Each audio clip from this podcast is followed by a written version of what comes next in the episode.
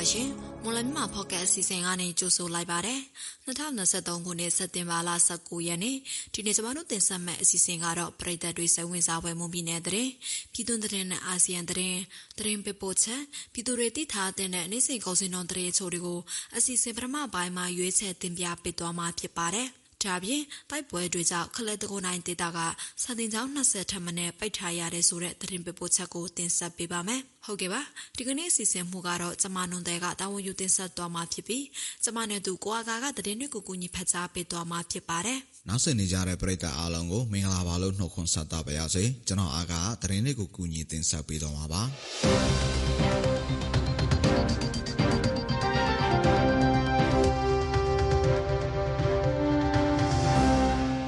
နောက်ဆုံးသတင်းသဘောအနေနဲ့မွန်ပြည်နယ်ရေးမြို့အောင်ဒုက္ခရက်ကွက်မှာမနေ့မနက်ပိုင်းကတရင်ရက်တပ်ဖွဲ့ SP မှရဲအုပ်တအုပ်ပြစ်တက်ခံခဲ့ရတယ်လို့သိရပါဗျ။ ရေးမြနဲ့တရင်ရဲတပ်ဖွဲ့တပ်ဖွဲ့စုဆက်တဲ့က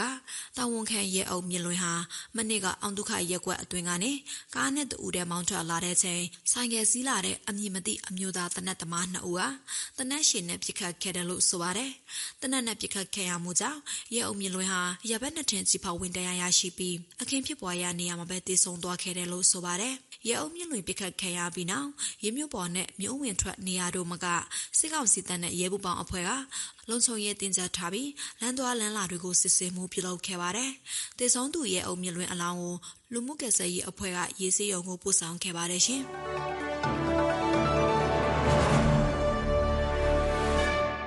နောက်ထပ်သတင်းတစ်ပုဒ်အနေနဲ့မော်လမြိုင်ရေးတဝဲ အမှတ်ရှိပြည်ထောင်စုကားလမ်းမတလျှောက်နိုင်မြေဒေသစုမှုရေးနဲ့ခီးသွွားပြည်သူတွေလုံခြုံစိတ်ချစွာတွာလာနိုင်ရေးအတွက်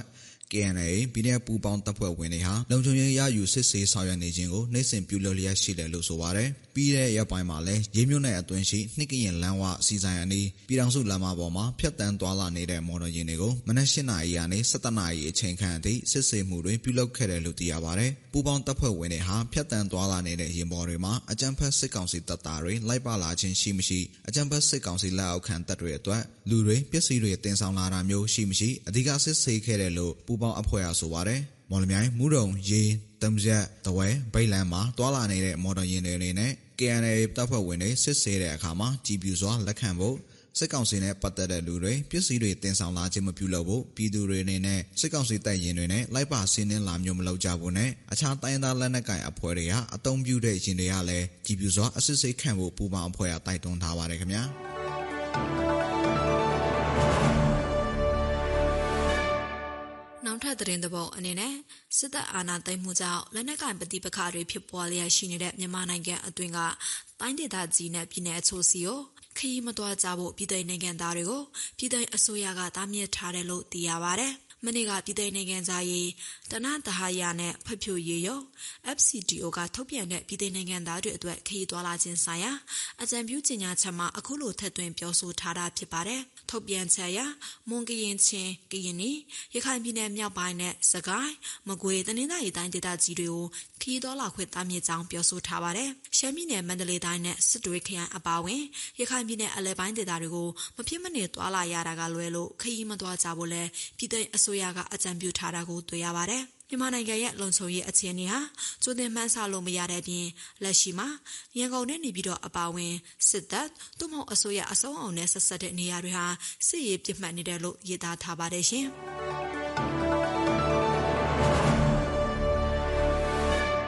နောက်ထပ်သတင်းတစ်ပုဒ်အနေနဲ့ရခိုင်ပြည်နယ်ကဘူးရီတောင်မောင်းတော်စတဲ့မြို့နယ်တွေမှာ အာဆာအကြမ်းဖက်ဖွဲ့ရဲ့လှုပ်ရှားမှုတွေပြီးခဲ့တဲ့လတွေအားစပြီးတဖြည်းဖြည်းစိတ်လာပြီးဒေတာခန်တွေကိုတပ်ဖြတ်တာဖမ်းဆီးတာတွေရှိလာနေတာကြောင့်ဒေတာခန်တွေကြားမှာစိုးရိမ်မှုတွေရှိနေကြပါတယ်။ရခိုင်ပြည်နယ်ကဘူးရီတောင်နဲ့မောင်တော်မြို့နယ်မြောက်ပိုင်းနေရာချို့မှာအာဆာကြမ်းဖက်အဖွဲ့တွေအခြေချလာကြပြီးဒေတာခန်တွေရဲ့နေ့စဉ်လူနေမှုဘဝကိုနှောက်ယှက်ဖြစ်စီတပ်ဖြတ်တာတွေရှိလာနေတာကြောင့်ဒေတာခန်တွေကြားစိုးရိမ်နေကြရတယ်လို့မောင်တော်ဒေတာခန်မွတ်စလင်တအူကပြောပါတယ်။ အာဆာအကြမ်းဖက်အဖွဲ့တွေဟာအထူးသဖြင့်မွတ်စလင်လူမျိုးတွေကိုဖမ်းဆီးတပ်ဖြတ်ပြန်ပေးဆွဲတာတွေတွေ့နေရတယ်လို့ဒီရက်ပိုင်းအတွင်းမှာပဲဘူးရီနာမျိုးနဲ့မွတ်စလင်လှေသမားတအူကိုတပ်ဖြတ်ခဲ့တာကြောင့်မွတ်စလင်ဒေသခံတွေကြားပိုဆိုးရိမ်နေရတယ်လို့လည်းမောင်းတော်မျိုးနယ်ကမွတ်စလင်သူကပြောပါတယ်ရခိုင်ပြည်နယ်မှာစစ်ကောင်စီနဲ့ရခိုင်လက်နက်ကိုင် AA အဖွဲ့တို့နားလည်မှုနဲ့အပြည့်ရထားတာကြာလာတာနဲ့အမျှအာစာအဖွဲ့တွေရဲ့လှုပ်ရှားမှုတွေဟာလည်းဘူရီတောင်မောင်းတော်ဘက်တွေမှာပြန်ပြီးတွေ့လာရတာလည်းဖြစ်ပါတယ်။ရ ဒါအပြင်ဒီရက်ပိုင်းအတွင်းမှာပဲရေသေးတောင်မြို့နယ်မှာတာဝန်ကျနေတဲ့အလဲတန်းပြဆရာမတူရွာပြင်မှာလဲလီတပ်ပြတ်ခံရတာကြောင့်ဝန်ထမ်းတွေနဲ့ဒေသခံတွေကြားစိုးရိမ်မှုတွေလည်းမြင့်တက်နေတာပါ။ဆရာမအသက်ခံရမှုနဲ့ပတ်သက်ပြီးတော့တရားခံဘယ်သူဆိုတာမသိရသေးတာလည်းဖြစ်ပါတယ်ခင်ဗျာ။ နောက်ဆုံးသတင်းသဘောအနေနဲ့မြန်မာနဲ့တရုတ်နှစ်နိုင်ငံပူးပေါင်းပြီးလက်တလော်အထိငွေလိမ်တဲ့လူပေါင်း1482ယောက်ကိုဖမ်းဆီးနိုင်ခဲ့ပြီးအဲ့ဒီလူတွေကိုလှည့်ပြောင်းယူခဲ့တယ်လို့လည်းတရုတ်နိုင်ငံပြည်သူ့လုံခြုံရေးဝန်ကြီးဌာနကပြောပါတယ်မြန်မာနိုင်ငံမှာအခြေစိုက်ပြီးအွန်လိုင်းငွေလိမ်ကိုင်းလုပ်နေတဲ့သူတရုတ်နိုင်ငံသား109ယောက်ကိုထပ်မံဖမ်းဆီးနိုင်ခဲ့တယ်လို့တရုတ်အစိုးရပိုင်း China Daily သတင်းမှာမနေ့ကဖော်ပြခဲ့ပါသေးတယ်။ ဖန်ဆီးခံရသူတွေကိုစုံစမ်းစစ်ဆေးပြီးကွင်းဆက်လိုက်နိုင်အောင်လုပ်ဖို့ယူနန်ပြည်နယ်တဲ့တရုတ်လုံဆောင်ရေးတပ်ဖွဲ့တွေကိုလှုပ်ထားတယ်လို့လည်းဆိုပါတယ်။မြန်မာနိုင်ငံမှာတိုင်းရင်းသားလက်နက်ကိုင်အဖွဲ့တွေနဲ့စစ်ကောင်စီလက်အောက်ခံနေချာစောက်တပ်တွေထိန်းချုပ်တဲ့မြန်မာထိုင်းနယ်ဆက်ရွှေကုတ်ကိုဒေတာကိုကတ်ဒေတာချင်းရွှေဟော်ဝတ်တပ်ဖွဲ့ UWSA ထိန်းချုပ်တဲ့မြန်မာတရုတ်နယ်ဆက်လောက်ကန်ဒေတာကပန်ဆန်မိုင်းပေါဝင်းကောင်ဒေတာတွေမှာတရုတ်နိုင်ငံသားတွေဦးဆောင်တဲ့အွန်လိုင်းငွေလိမ်ကိုင်းတွေလှုပ်ရှားနေတာဖြစ်ပါတယ်ရှင်။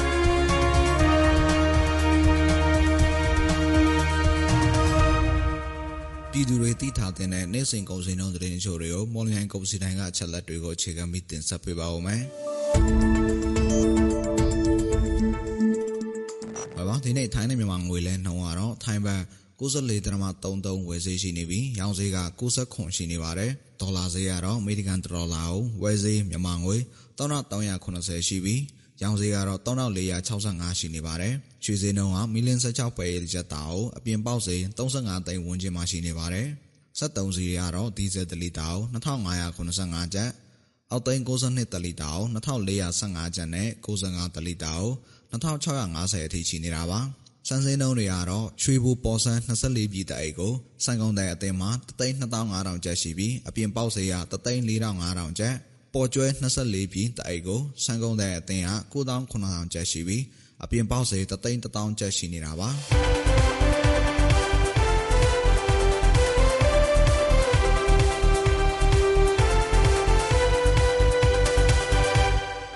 တင်ဆက်ပေးသွားခဲ့တာကစက်တင်ဘာလ19ရက်နေ့မှာဖြစ်ပျက်ခဲ့တဲ့မွန်ပြည်နယ်သတင်းပြည်တွင်းသတင်းနဲ့အာဆီယံသတင်းတွေအပြင်တနေ့တာစီစေးငွေစေးနဲ့ကုန်စည်နှုန်းတွေကိုတင်ဆက်ပေးသွားတာဖြစ်ပါတယ်။ ဆက်လက်ပြီးတော့တိုက်ပွဲတွေကြောင့်ခလဲတကုန်းတိုင်းဒေသကစာတင်ကျောင်း20ထပ်မံနဲ့ပိတ်ထားရတဲ့ဆိုတဲ့သတင်းပေးပို့ချက်ကိုနတ်ဒီကတင်ဆက်ပေးပါဦးမယ်။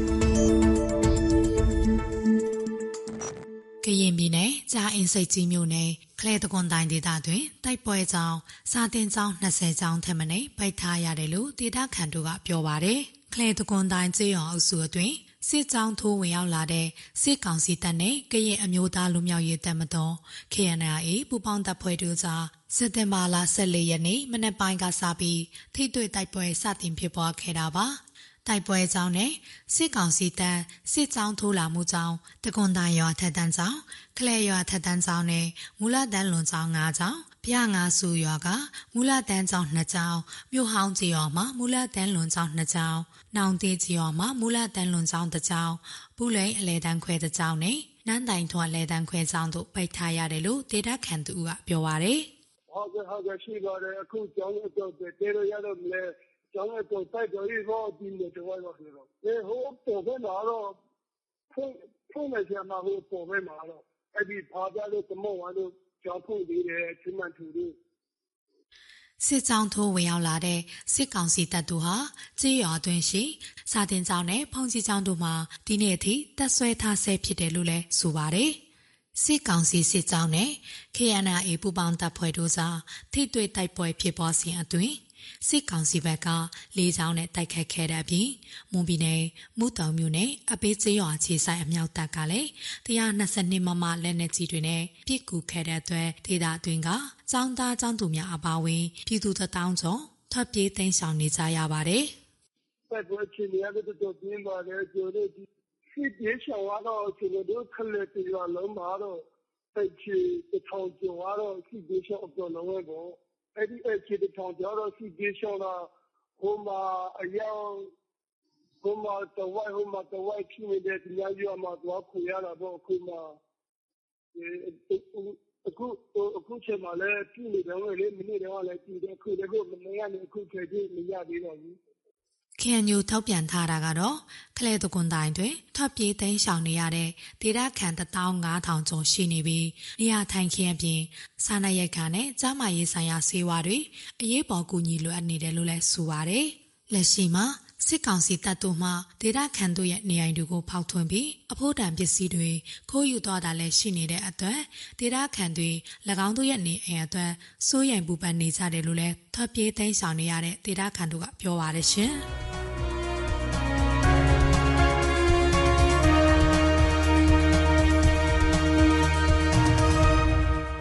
ကျွန်တော်တို့ရဲ့မွန်လမြန်မာပေါ့ကတ်အစီအစဉ်ဒီမှာတင်ပြီးဆုံးပါပြီ။နောက်ဆင်ကြတဲ့ပရိသတ်အားလုံးကိုနောက်နေ့အစီအစဉ်တွေမှာဆက်လက်အားပေးကြပါဦးလို့ဖိတ်ခေါ်ရင်းအစီအစဉ်ကိုဆုံးသက်ပါရစေ။အားလုံးကိုကျေးဇူးတင်ပါတယ်ခင်ဗျာ။